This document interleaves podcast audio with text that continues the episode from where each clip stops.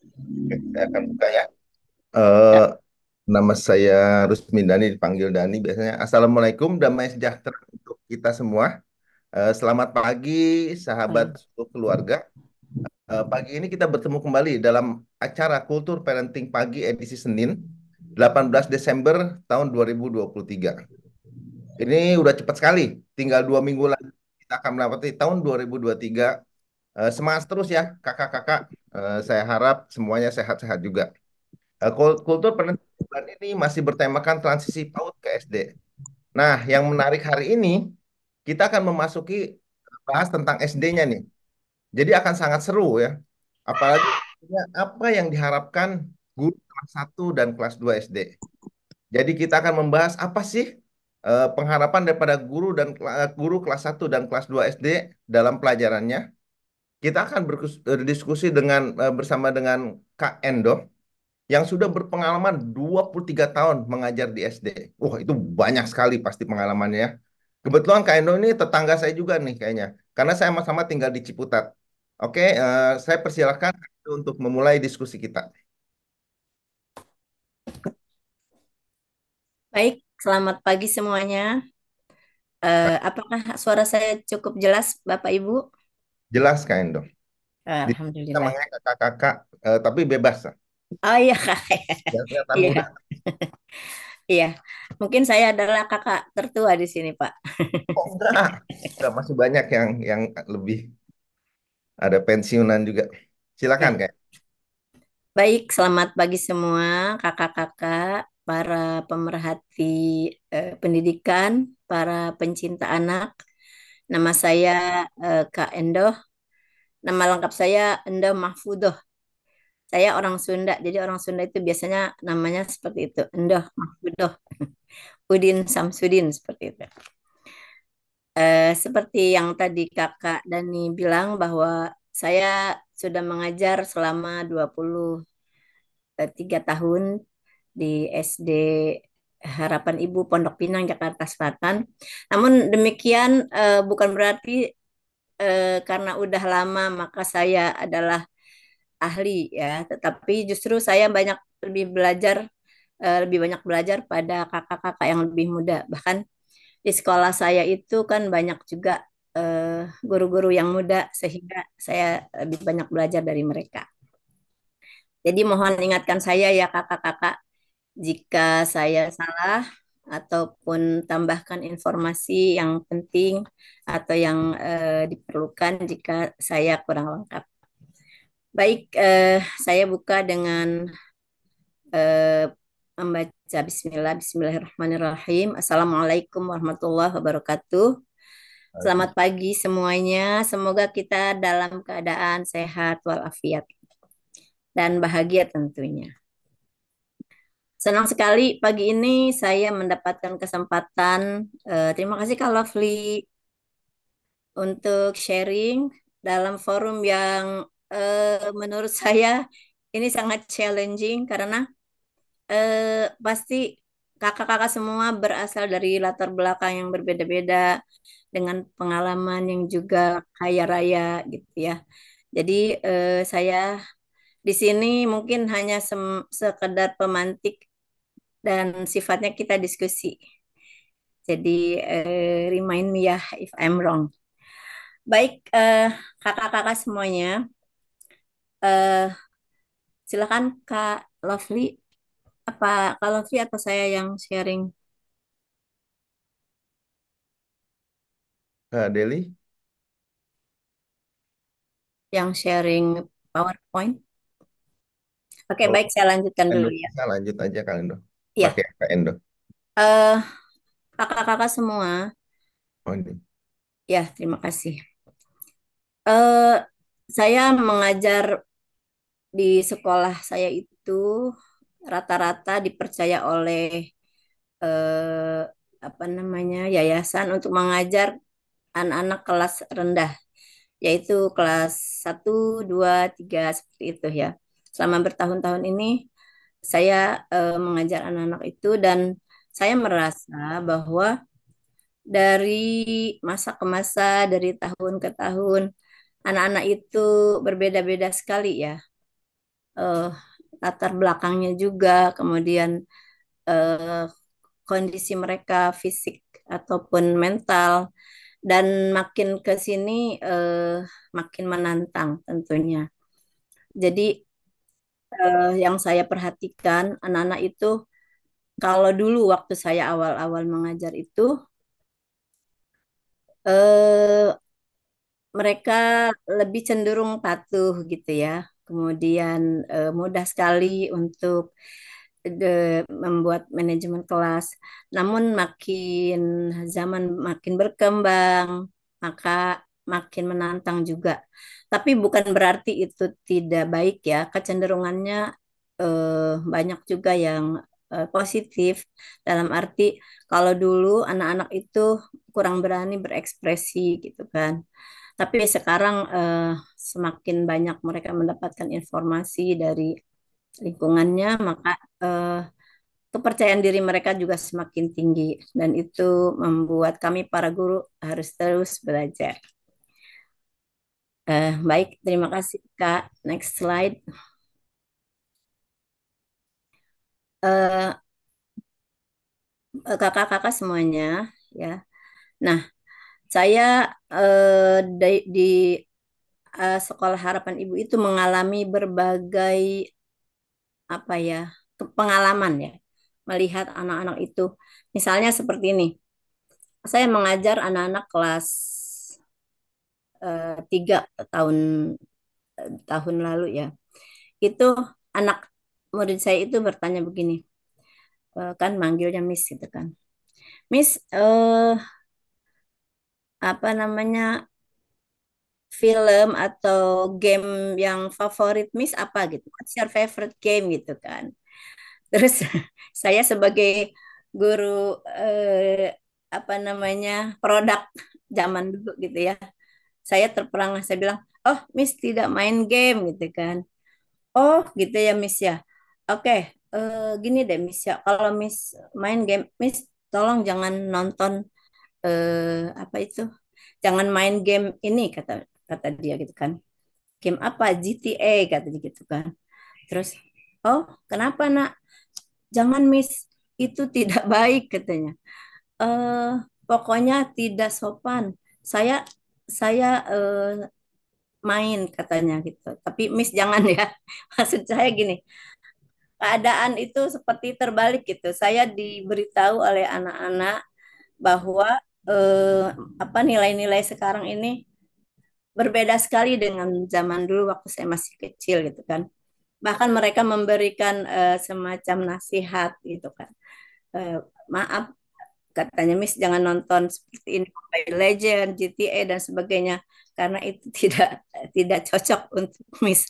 Padahal sebenarnya saya justru yang harus mengatakan kepada mereka bahwa eh, kalianlah yang harus kontrol dan memilih apa namanya tontonan-tontonan atau game-game yang sesuai dengan usia kalian gitu kan. Artinya perkembangan teknologi membuat anak-anak itu menjadi uh, lebih beragam, kemudian menjadi mereka lebih berani berekspresi dan juga saya merasa harus lebih banyak belajar dari mereka. Terima kasih. Next slide, Kak.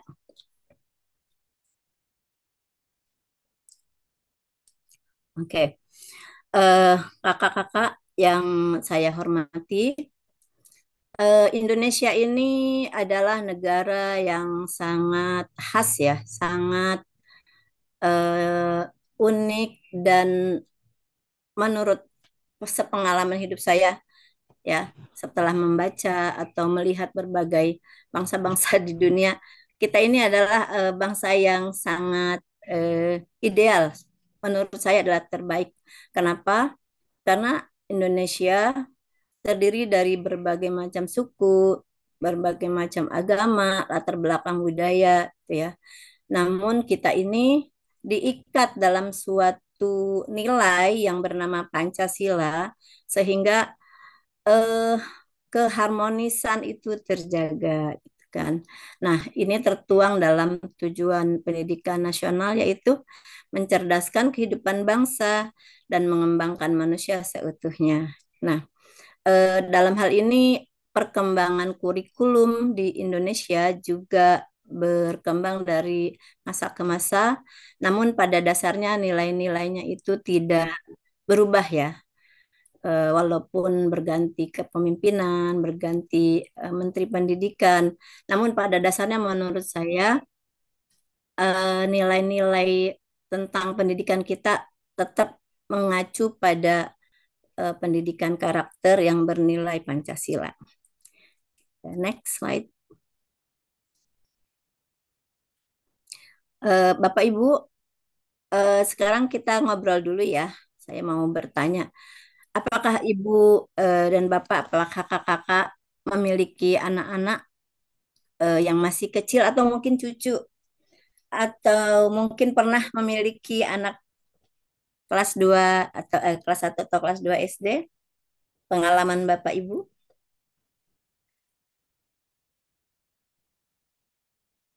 Dan bagaimana eh, bagaimana menurut eh, Bapak Ibu apa namanya anak-anak kelas satu 2 itu seperti apa?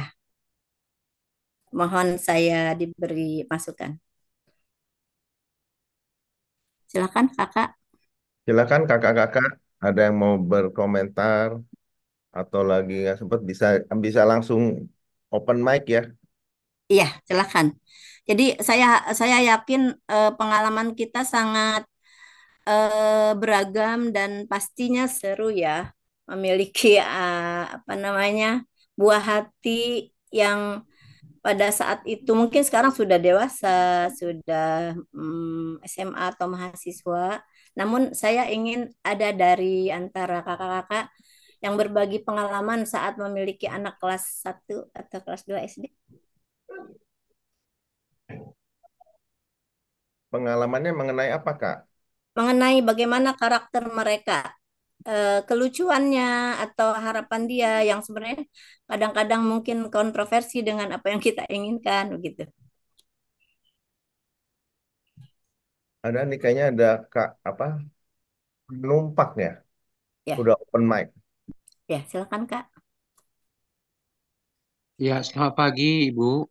Lagi Ini Bu, eh, ini ini saya baru beberapa bulan ya, sekitar tujuh bulan itu udah eh, jadi guru kelasnya untuk kelas rendah, Bu. Selama ya, ini saya di kelas tinggi.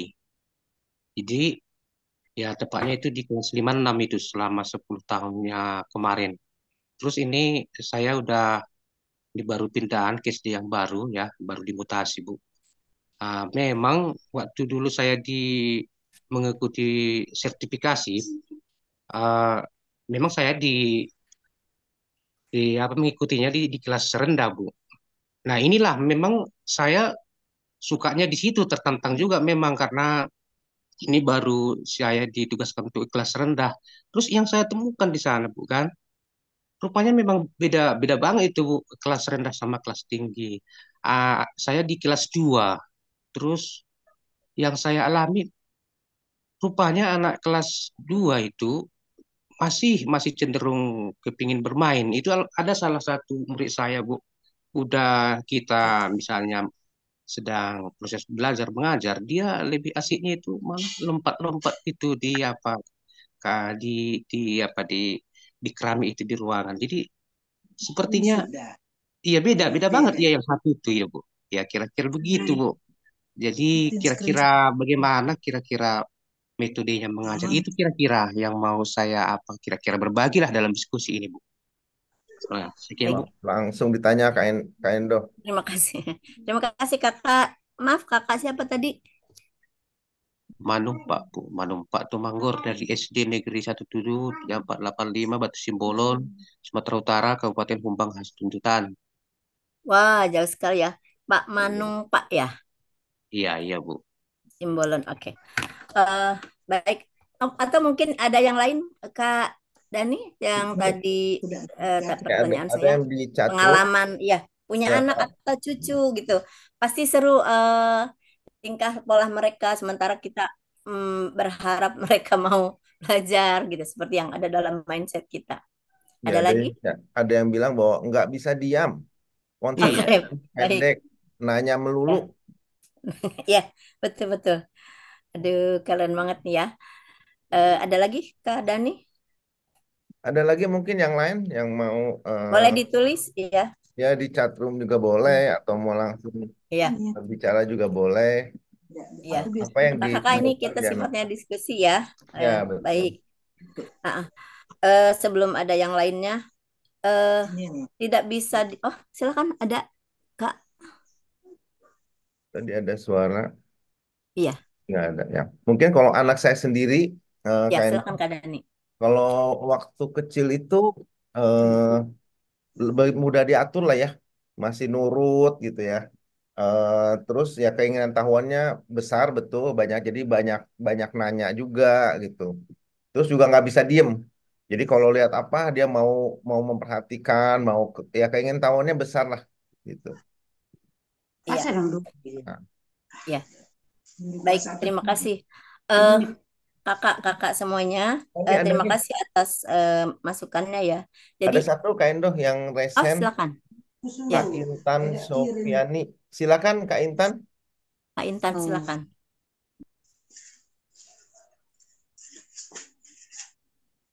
Ini resen atau kepencet? Oh silakan Kak Intan. Iya Pak, selamat pagi. Lagi Pagi Kak Intan.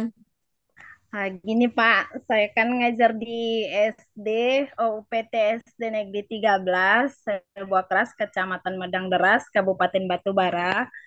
Di sini eh, saya kan ngajar guru agama. Baik. Jadi Ya, kadang Intan. lihat eh, seperti di kelas Bu, Pak, eh, di sana mereka sangat aktif. eh, baik itu belajar, terus dikasih tugas, tetapi mereka cenderung lebih suka bermain, bermain sambil belajar. Tetapi eh, ada juga sih sebagian yang suka eh, mencagili teman-temannya. Cuma saya selalu semangat sih, Bu. Cuma terkadang orang itu eh, selalu bagaimana ya? Sering sekali sukanya me- mencari Contohnya kalau di mencontek gitu, Bu. Tapi walaupun mereka mencontek, uh, walaupun contohnya kadang tahu, kadang tidak, tapi selalu saya dampingi gitu, Bu. Terima Baik. kasih, Bu. Iya. Ya, sama-sama Kak Intan. Ya. Terima kasih ya Kak Dani, Kak Intan dan Pak Manung tadi. Eh, sebenarnya itu semua adalah modal ya. Modal anak-anak itu untuk bisa belajar lebih baik sesuai dengan kebutuhan mereka ya. Tidak bisa diam, banyak bertanya, maunya bermain ya, aktif, bergerak begitu. Nah, itu sama. Saya juga memiliki eh, murid-murid yang seperti itu. Jadi eh, kadang-kadang kita sebagai orang tua, saya pribadi inginnya ya, inginnya tuh mereka eh, mendengarkan, kemudian ketika mendapatkan eh, perintah mereka patuh, tidak membantah ya. Namun itu mungkin eh, dulu ya metode lama yang juga saya pernah alami dari guru-guru saya sendiri dan juga pernah saya alami sebagai guru dalam pengertian saya sebagai eh, subjek daripada eh, eh, apa namanya pelaku pendidikan yang mungkin kita agak keliru. Jadi iya. Betul sekali anak-anak kelas 1, kelas 2 SD itu adalah anak-anak yang mengalami masa transisi dari eh, eh, PAUD ya, pendidikan anak usia dini ataupun TK yang cenderung lebih banyak aktivitas bermain kepada eh, fase di mana mereka harus mulai mempunyai tanggung jawab. Eh, silakan Kak, eh, next slide-nya. Jadi mereka yang awalnya eh, diarahkan oleh gurunya misalnya atau oleh orang tuanya silakan bermain dengan eh, sepuas-puasnya, kemudian harus masuk ke dalam suatu tempat, terus di eh, maaf ya di lokal, dilokalisasi dalam arti dikurung dalam sebuah kelas di mana mereka harus mengikuti tata tertib. Nah, itu akan mengalami benturan-benturan tentu saja ya. Jadi kita dalam hal ini guru-guru harus memahami begini. Oh, mereka ini sebenarnya uh, ha, apa masih senang bermain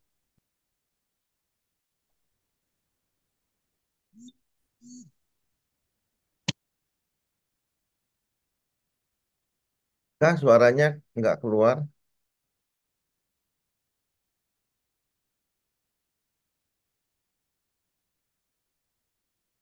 Kak Endo?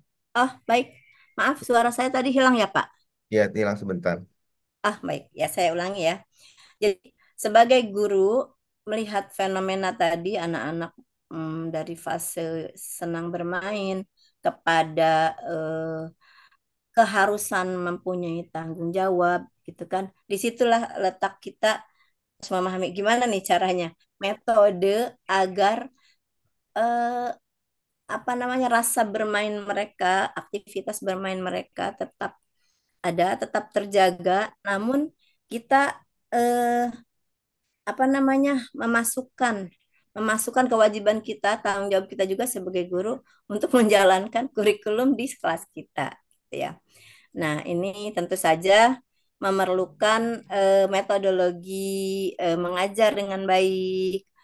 Misalnya kita membuat eh, ice breaking sebelum belajar, kemudian saat belajar juga menggunakan apa namanya teaching aid yang yang tepat, yang menyenangkan, yang seru ya.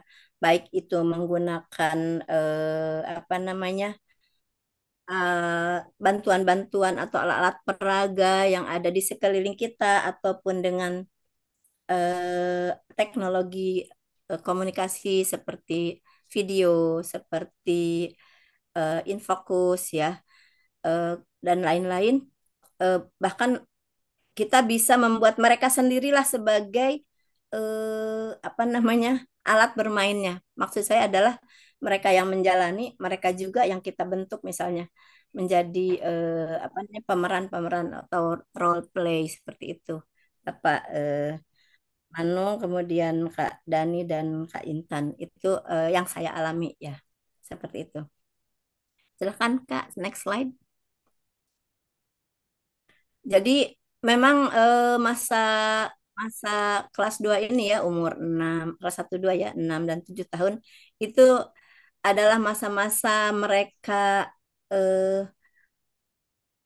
um, apa namanya suatu hal yang transisional yang yang dia dia itu sebenarnya mereka itu sebenarnya mau kita arahkan um, belajar dengan serius namun kitanya harus pelan banget harus memahami oh kondisi anak sekarang nih sedang bagaimana gitu kan banyak eh, persoalan-persoalan dalam dirinya, entah itu dari rumah, entah dari dirinya sendiri, ataupun mungkin kekurangan dia eh, apa namanya, misalnya saja ya di kelas saya ada anak yang eh, apa namanya ADHD gitu kan, ada anak yang pola asuh dari rumahnya itu dimanja sehingga pas masuk sekolah harus patuh terhadap uh, peraturan, dia juga kaget.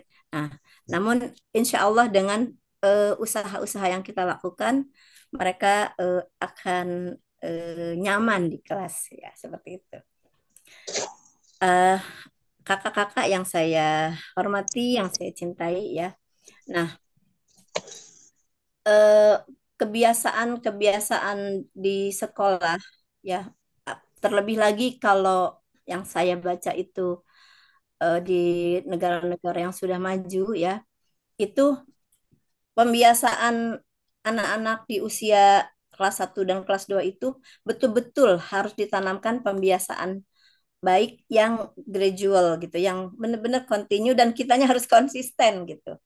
Misalnya eh, seperti yang saya tulis di sini adalah ya misalnya mereka harus eh, masuk ke kelas itu dengan antri, tidak boleh berebut sehingga tidak tabrakan di pintu misalnya ya.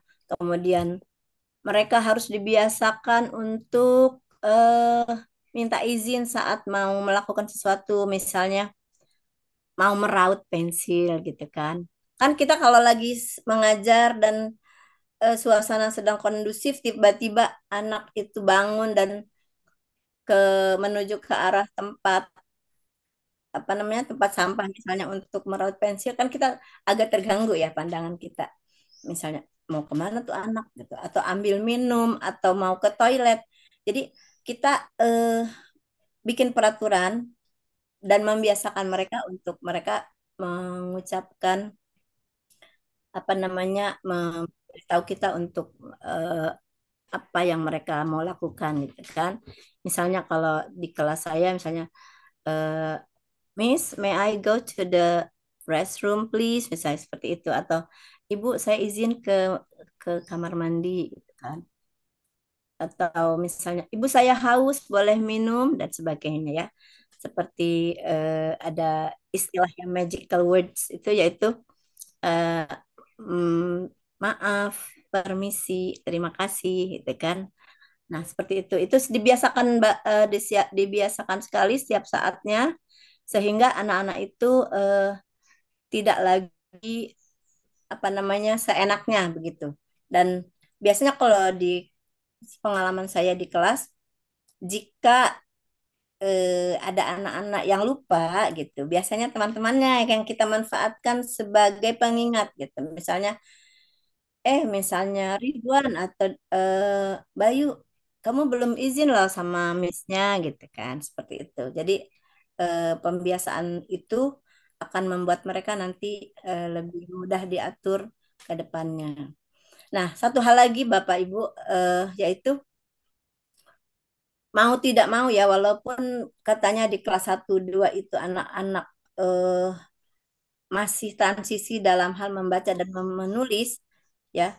Kita di kelas 1 dan 2 itu eh, karena juga sudah ada ulangan ya, ada formatif, ada penilaian tengah semester, ada penilaian semester.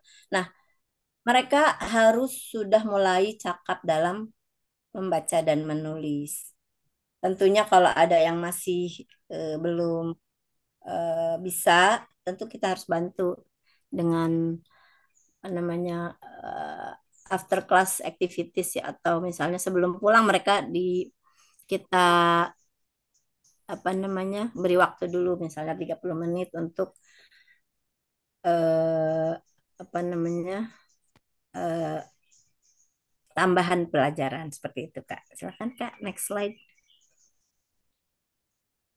Seperti itu Kak Intan, Kak Dani, dan kakak-kakak semuanya. Nah, ini adalah uh, contoh saja di sekolah saya, ini kelas saya kelas 2.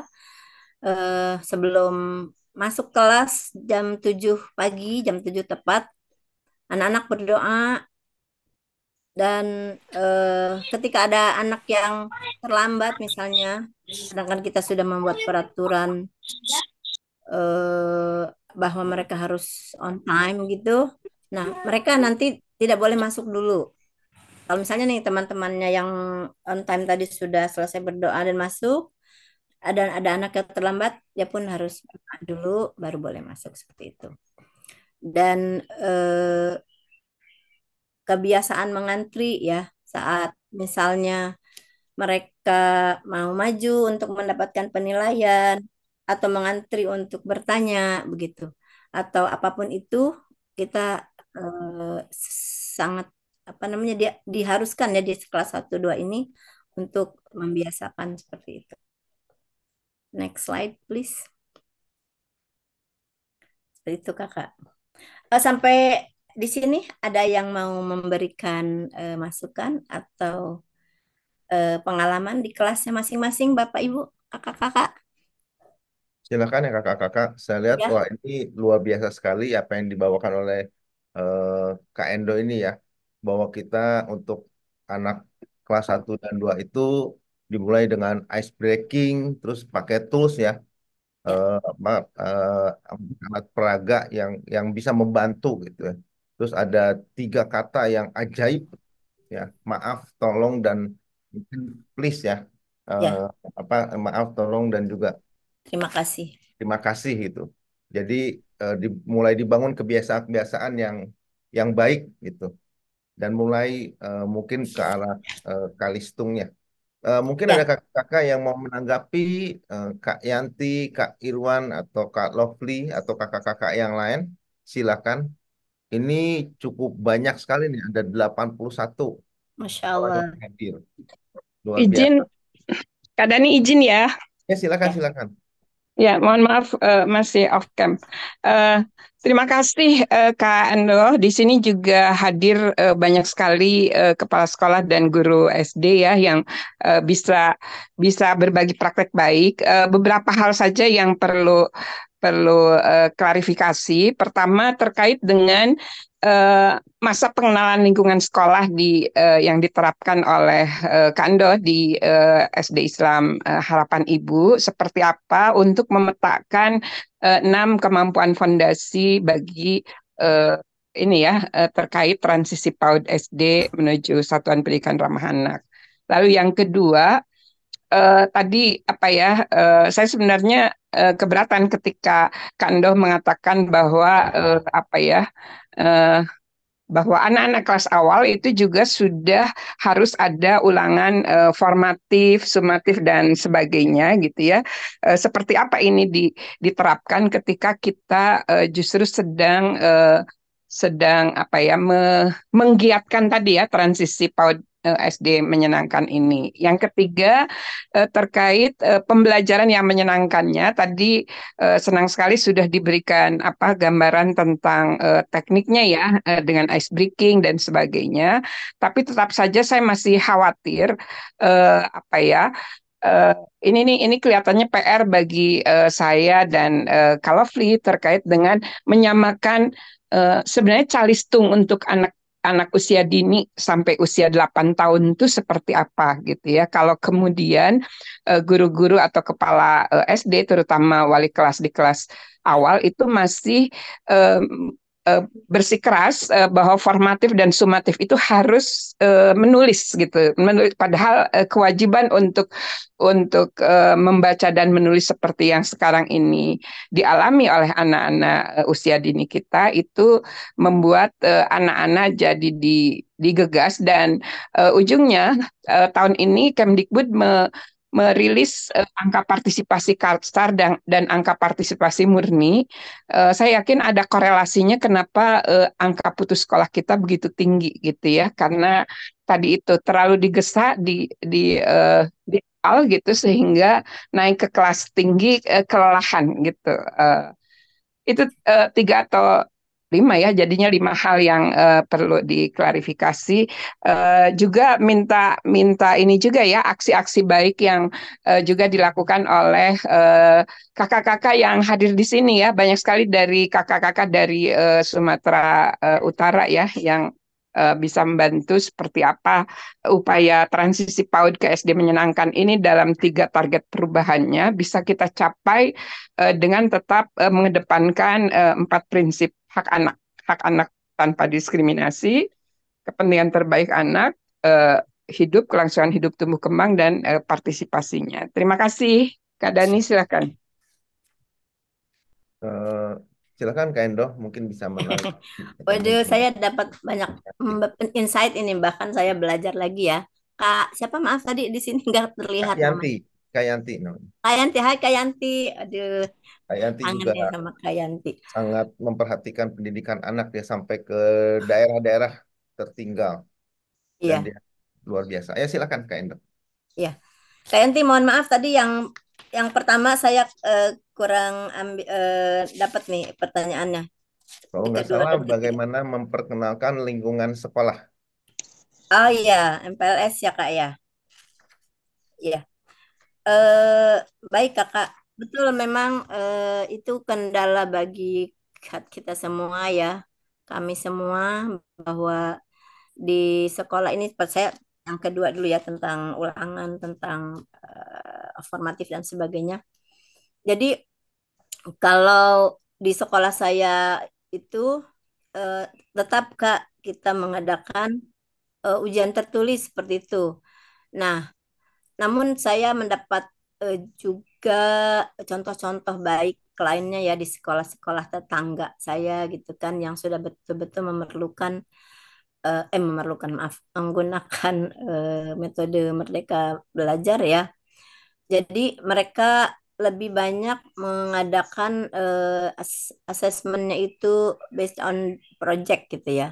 Tetap uh, RPP-nya sama sesuai dengan apa namanya arahan dari Kemendikbud ya. Sekarang namanya Kemendikbud apa Kemendiknas ya. Maaf, maaf kalau salah.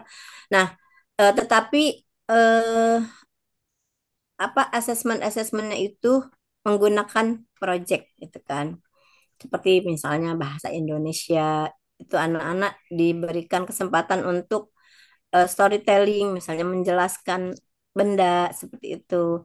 Terus kalau misalnya uh, eh, PKN ya PPKN tentang nilai-nilai Pancasila misalnya. Anak-anak diharapkan untuk bisa uh, mem mempresentasikan bagaimana mereka melakukan misalnya eh, sila sila kedua misalnya ya apa namanya eh, di rumahnya seperti apa mereka melakukan persatuan dengan dengan eh, keluarganya gitu kan atau sila ke satu misalnya bagaimana mereka melakukan ibadah menurut eh, agamanya masing-masing seperti itu Kayanti. Nah eh, tentunya ya untuk apa namanya masa pengenalan lingkungan sekolah kami kalau pengalaman di sekolah ya tentu secara fisik dulu mereka itu diarahkan kepada eh, pengenalan fisik sekolah misalnya ini kelas kalian gitu. Nanti kalian belajar di sini kemudian memperkenalkan lingkungannya seperti di, mana uh, kalian bisa membaca buku kayak gitu perpustakaan uh, nanti toiletnya di sini dan lain-lainnya secara fisik. Kemudian secara uh, akademiknya misalnya ini pelajaran yang akan kalian dapat selama uh, setahun ke depan. Ini yo memang kak maaf kami masih menggunakan buku paket juga gitu kan yang kemudian nanti uh, harus mereka kuasai dalam satu bulan itu tema itu satu tema mungkin kakak-kakak yang dari luar daerah mungkin punya pengalaman yang uh, berbeda, yang lebih menantang. Uh, jadi kalau kami melakukan hal itu karena buku tematik itu berdasarkan tema dan sangat apa ya informasinya itu sedikit-sedikit gitu kan dalam satu buku itu ada bahasa Indonesia, ada matematika, ada PKN. Nah, itu kami sarikan biasanya bikin sebuah uh, apa namanya uh, catatan gitu, catatan penting tentang apa yang harus kita dapatkan di semester ini, lalu mereka pelajari seperti itu yang tertulisnya.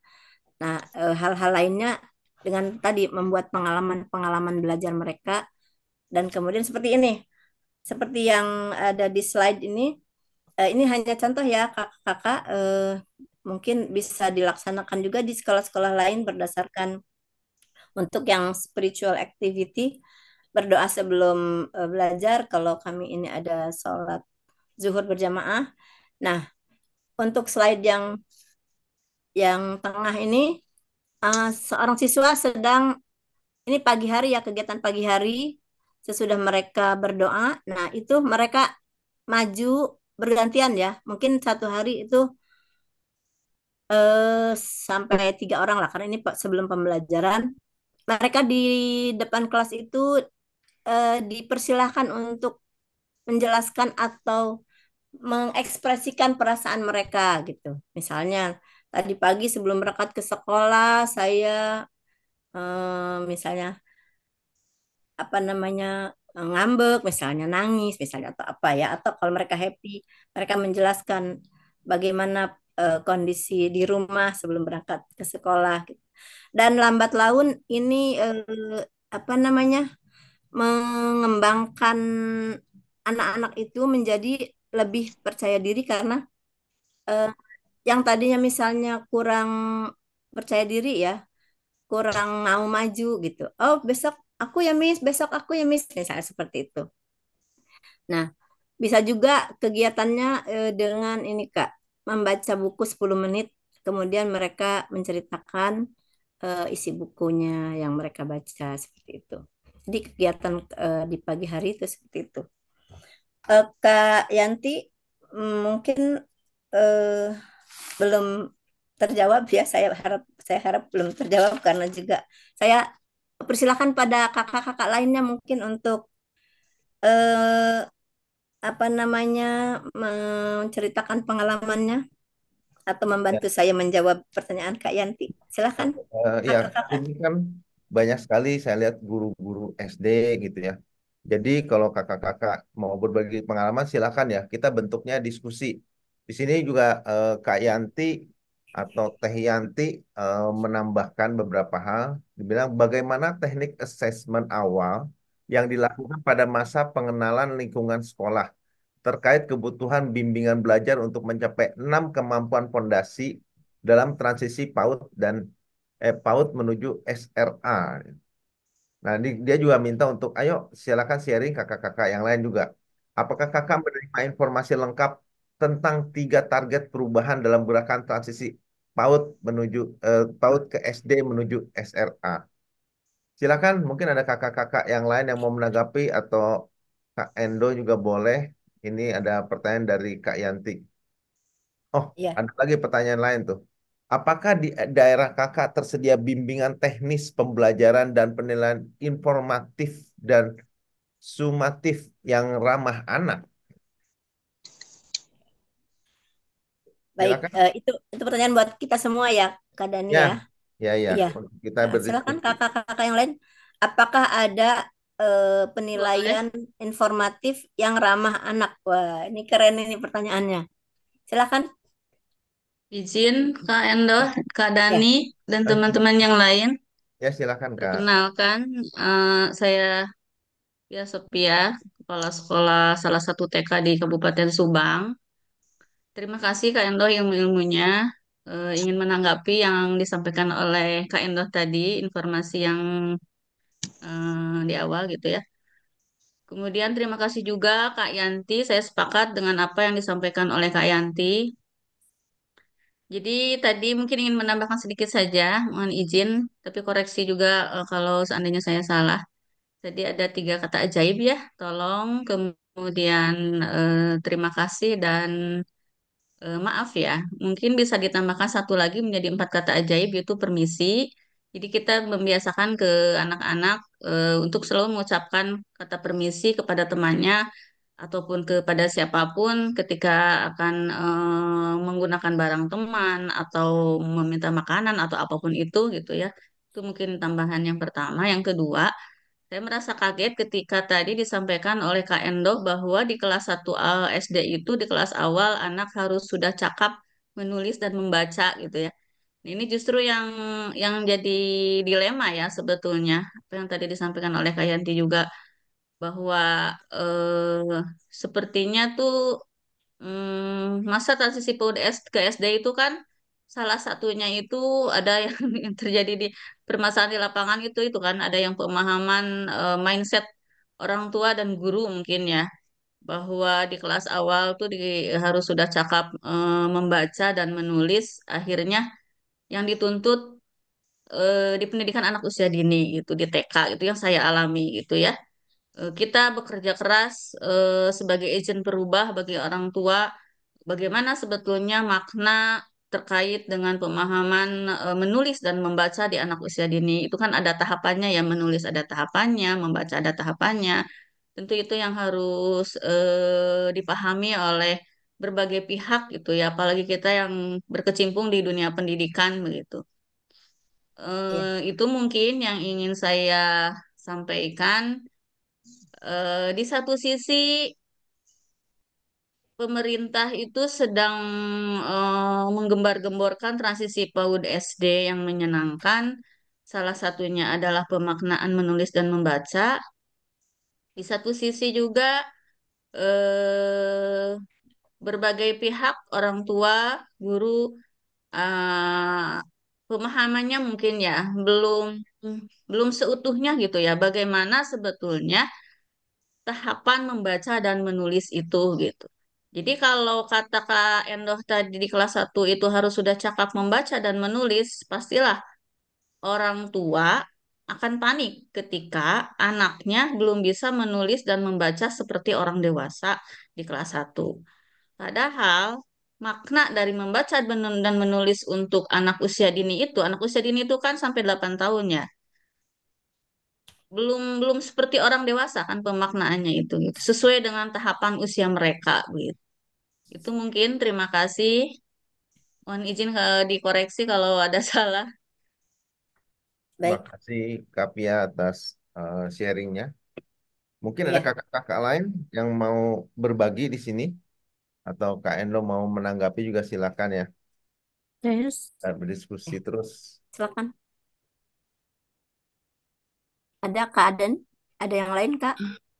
Silakan. Halo, Ya, Iya, silakan.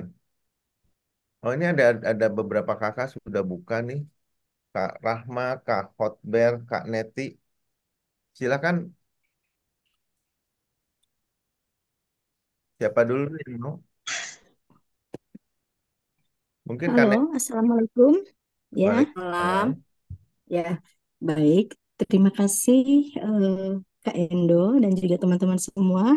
Benar sekali yang dikatakan Kak Yanti dan Ibu Pia barusan begitu ya, bahwa eh, transisi PAUD ke SD ini harus yang menyenangkan.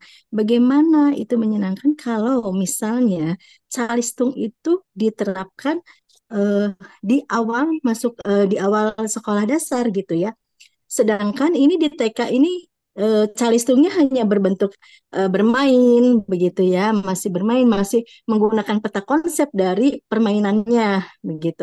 Misalnya nih, anak-anak lagi bermain, Bu Guru aku lihat batu, banyak batunya. Oh iya, kita pantik, Ibu Guru itu memantik. Ada berapa ya batunya, apa yang dirasakan, Eh, apa eh, batu itu eh, rasanya keras, Bu Guru. Terus yang eh, apa yang uh, anak-anak ketahui bentuk-bentuk dari batu itu. Nah uh, ada yang bulat ada yang panjang. Nah bermainnya itu hanya seperti itu gitu. Dan mengenal matematikanya itu seperti itu. Kalau misalnya di kelas uh, awal itu sudah membelajarkan calistung uh, itu tidak sesuai sebenarnya dengan uh, transisi PAUD uh, SD yang menyenangkan. Karena menurut transisi PAUD fondasi transisi PAUD SD yang menyenangkan itu di TK itu kan fase fondasi kelas uh, fase A antara kelas 1 sampai kelas 2 itu adalah penguatan. Penguatan dari fondasi gitu ya. Sedangkan di fondasi ini soft skillnya yang ditekankan. Soft skillnya kemandirian tanggung jawab disiplin itu ya. Karena kalau ibu gurunya kreatif dari soft skill itu itu matematika, bahasa dan semuanya itu pasti uh, apa ya kalau kata Indonesia uh, kalau kata Sundanya mah kakemot gitu ya apa tuh ya Teh Yanti? Kakemot teh namanya. Ter ter uh, termaktub gitu termaktub dari uh, dalam um, apa dalam skill itu gitu. Misalnya anak uh, dari rumahnya bu guru ternyata sampah itu bisa diolah loh guru. Oh ya jadi ibu guru itu jangan jangan selalu si maha benar.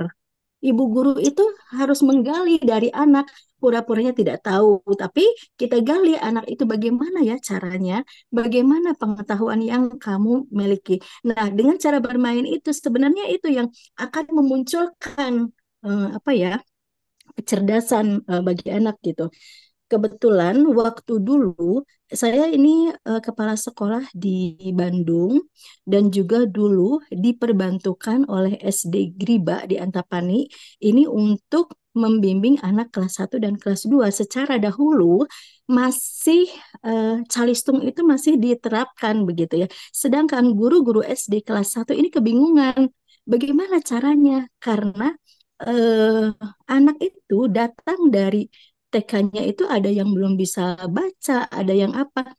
Saya bilang, kita nggak mungkin memaksakan anak. Otak anak itu ada uh, ada batasnya.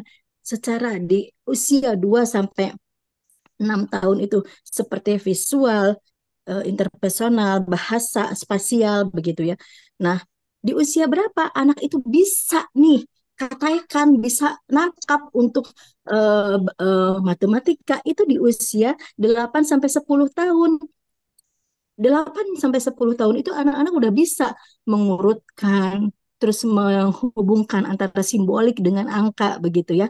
Jadi uh, kita jangan memaksakan anak lah daripada ya uh, nanti di usia uh, kelas 3 SD itu malah 3 SD, 4 SD itu yang harusnya memulai memulai untuk pembelajaran itu dia malah uh, apa ya lemah begitu. Karena di kelas 1 kelas 2-nya juga udah keras nih, otaknya sudah sudah bekerja untuk keras gitu. Jadi menurut saya eh, kelas 1 dan kelas 2 itu untuk guru SD mohon mohon hanya menguatkan hanya menguatkan tentang eh, apa melanjutkan melanjutkan dari fase pondasi itu aja itu dulu karena untuk belajar yang baik, untuk belajar yang benar, anak-anak itu tidak mungkin belum memiliki kemandirian, belum memiliki tanggung jawab dan belum memiliki disiplin, itu tidak mungkin anak-anak bisa dengan tekun gitu. Jadi mohon kelas 1 sampai kelas 2 itu dikuatkan uh, dulu uh, itunya apa soft skillnya itu. Sehingga di kelas 3 sampai kelas uh, 4 ini di masa uh, fase fase B ini mereka uh, melangkah dengan dengan mulus begitu untuk me, apa ya memasuki pembelajaran itu begitu. Demikian. Terima kasih Kak Dani. Ini ada Kapia mau lagi nih. Kapia mau berkomentar lagi? Udah resen silakan Kapia izin izin ya betul sekali Kaneti uh, kita sepakat ya. Uh, kita Iya, sebagai uh, pendidik di Pasu Pondasi gitu ya. Kita iya, juga mengajarkan apa yang namanya calistung gitu ya, membaca, menulis dan berhitung, betul. tetapi tentu saja uh, disesuaikan dengan tahapan usia anak-anak kita yang Pasu Iya, Pondasi gitu baik. ya, 4 sampai 6 tahun, kemudian juga disesuaikan dengan kurikulum yang sudah ada dari pemerintah gitu ya. Jadi di lapangan juga memang miskonsepsi terhadap eh, pemaknaan calistung ini duh, luar biasa banget gitu Betul. ya. Jadi memang Iya, eh, PR besar bagi kita semua gitu. Calistung itu diterapkan di di fase pondasi di pendidikan anak usia dini eh, tentu saja dengan sangat menyenangkan gitu ya. Nah, semestinya ketika masuk ke fase A, ya pokoknya kelas rendah gitu ya, satu sampai kelas 3 itu eh, ha- masih harus seperti di di pendidikan anak usia dini gitu ya, dengan benda konkret, iya. dengan kegiatan yang sangat menyenangkan. Jadi pemaknaan belajar itu hanya berkutat dengan paper dan ballpoint atau pensil itu sepertinya masih kuat ya terjadi di lapangan gitu ya.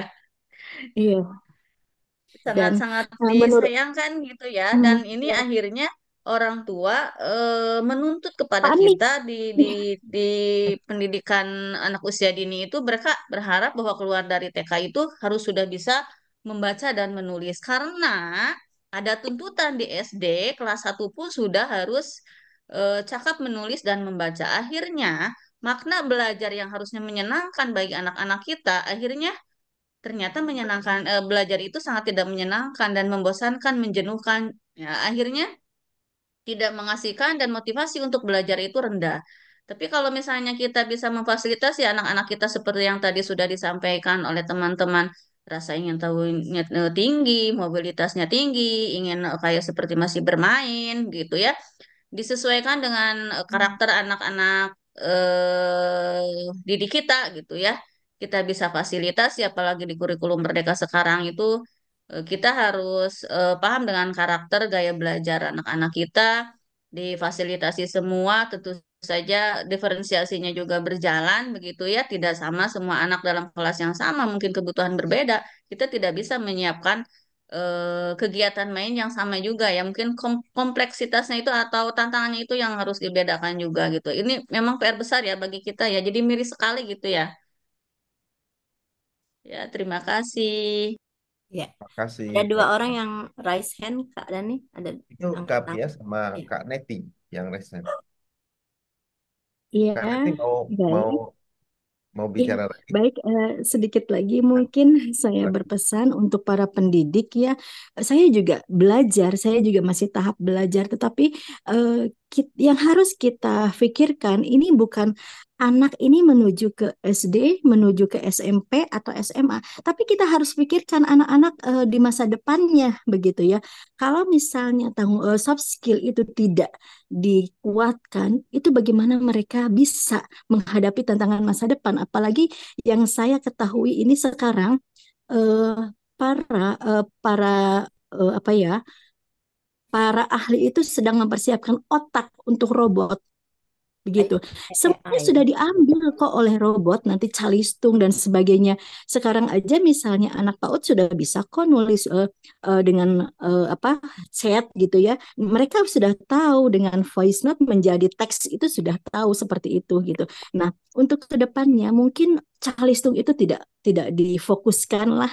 Sekarang persiapan kita apa? Persiapan kita itu adalah mengambil yang mengambil alih kecerdasan yang robot tidak memiliki, yang robot tidak uh, dimiliki oleh robot, seperti mandiri, kreativitas, tanggung jawab. Nah itu uh, itu jadi uh, apa ya? Menurut saya untuk calistung itu sudah sudah begitu ya. Saya juga kadang-kadang di sini uh, kerja keras. Kebetulan saya juga di sini uh, pemateri di Kota Bandung ini pemateri untuk uh, kurikulum merdeka begitu. Dan juga um, untuk mensosialisasikan transisi PAUD SD yang menyenangkan untuk Pokja PAUD Bunda uh, Pokja Bunda PAUD Kota Bandung begitu ya. Ini cukup kerja keras karena dari di lapangan itu yang mereka uh, kendalanya itu kendalanya itu orang tua masih memaksakan untuk uh, anaknya belajar calistung gitu. Jadi menurut saya banyak-banyak parenting untuk orang tua gitu. Karena yang kita persiapkan bukan untuk ke SD kita akan mempersiapkan anak-anak kita ini menuju masa depan yang mereka akan uh, apa ya berhadapan dengan robot begitu. Berhadapan dengan robot uh, masa depannya begitu. Jangan sampai anak-anak kita ini uh, bisa uh, apa ya karena karena untuk uh, untuk hard skill, untuk hard skill itu kita pasti kalah. Kalau misalnya kita akan berhadapan dengan robot, tapi soft skill, soft skill itu kita akan menang. Kal, uh, karena walaupun bagaimanapun ciptaan Allah dengan ciptaan manusia itu akan berbeda, akan menang ciptaan Allah. Demikian, terima kasih semuanya saya tetap menyimak tapi sambil berangkat ke sekolah. Terima kasih Kak Dani, terima kasih uh, Kak Endo dan teman-teman semuanya. Ya, Ya, sama-sama, sama-sama. Nanti. Ya, eh, ini wah ini luar biasa sekali. Pertama, eh, antusiasnya ada hampir 100 yang hadir di sini. Terus juga eh, ini pembahasannya bakal masih banyak hal ya yang yang akan kita bahas. Cuman waktunya memang agak terbatas. Jadi saya berikan satu kesempatan yang untuk eh, mau bertanya atau mau apa eh, berpendapat ya satu satu satu eh, orang lagi karena memang masih banyak aktivitas yang akan dilakukan. Silakan kakak-kakak yang mau menanggapi eh, apa yang yang sedang kita bahas. Setelah itu nanti eh, kak kak Endo akan buat closing statement untuk kita semua. Silakan kakak-kakak ini banyak sekali guru-guru luar biasa sekali nih ada yang mau eh, berkomentar lagi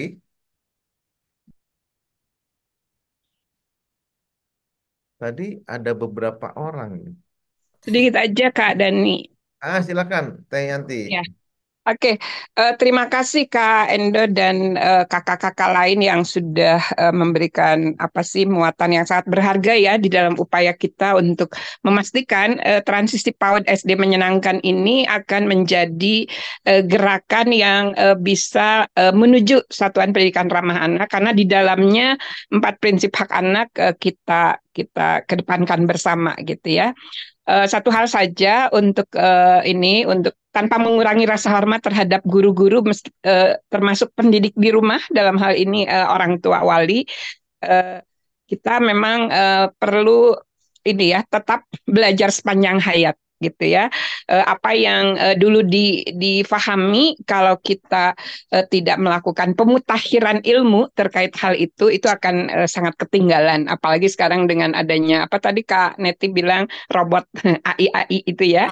Itu juga menjadi tantangan besar ketika sisi kemanusiaan kita juga malah digerus gitu sejak usia dini. Jadi mari kita kembali uh, melihat lagi uh, tahap perkembangan anak-anak kita itu seperti apa uh, terkait dengan empat uh, prinsip hak anak ya. Uh, kita bersama-sama mengembalikan agar agar pengasuhan uh, di rumah maupun di di uh, dalam lingkungan sekolah karena uh, konsep uh, pengembangan anak usia dini uh, itu sampai usia 8 tahun itu otomatis kelas 1 sampai 3 masih masih dalam konteks uh, memperkuat enam uh, komponen eh, enam kemampuan fondasi ya. Eh, harapannya ini yang terus kita kita pelajari bersama. Eh, ketika kita merasa ada yang keliru, tapi kita tahu bahwa ada pemahaman yang perlu kita kita perbaiki gitu ya. Ayo kita bersama-sama melakukannya. Itu aja Dani, terima kasih. Terima kasih uh.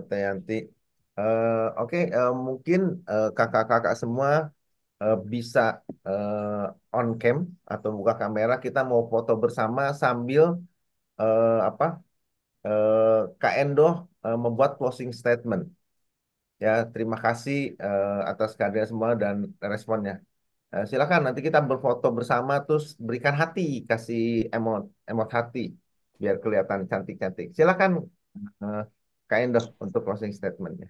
Oke, baik Kak Dani.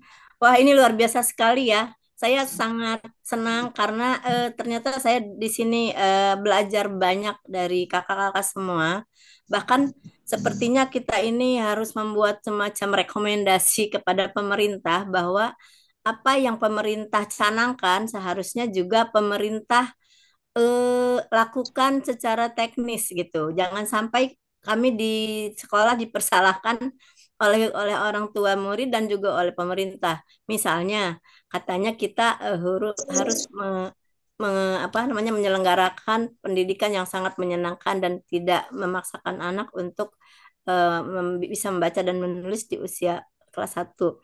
Tetapi uh, yang kami terima uh, itu adalah kewajiban-kewajiban melaporkan hasil akhir evaluasi misalnya. Kami selalu memberikan apa namanya? Eh, laporan-laporan hasil anak-anak di kelas 1 itu bentuknya juga banyak kebanyakan itu masih yang tertulis. Mudah-mudahan uh, forum ini uh, seluruh seluruh keluarga ya Kak ya. Ya, maaf. Keluarga. Ya, seluruh keluarga mempunyai kontribusi yang besar untuk uh, menjadikan para penegak uh, apa namanya kebijakan untuk memberikan suara hati kita semua sebagai guru, sebagai orang tua, sebagai pemerhati anak supaya uh, kita mempunyai apa namanya generasi-generasi mendatang yang lebih cemerlang ya, yang lebih siap untuk menyongsong uh, masa depan yang sungguh sangat mencengangkan dan mungkin masih ada lagi misteri apalagi sesudah itu. Baik, terima kasih atas partisipasinya. Saya di sini uh, sangat banyak belajar. Mudah-mudahan kita semua menjadi eh, guru-guru uh, yang dicintai oleh anak-anak didik kita, oleh anak-anak kita. Terima kasih Kak Dani, terima kasih Kak Lovely, terima kasih kakak-kakak semua. Uh, saya tutup dengan uh, mengucapkan Alhamdulillahirrahmanirrahim. Assalamualaikum warahmatullahi wabarakatuh. Waalaikumsalam warahmatullahi wabarakatuh. Mungkin saya sedikit menambahkan bahwa eh, dari Kemendikbud itu ada gerakan transisi dari eh, TK ke SD gitu ya. Dan ini bukan bukan bukannya program. Kalau program itu bisa nanti stop kali-kali, tapi ini gerakan. Nah itu yang yang yang kenapa ada pembahasan ini udah dua bulan kita bahas mengenai ini dan luar biasa sekali ya. Jadi kita juga hari ini bisa belajar banyak juga.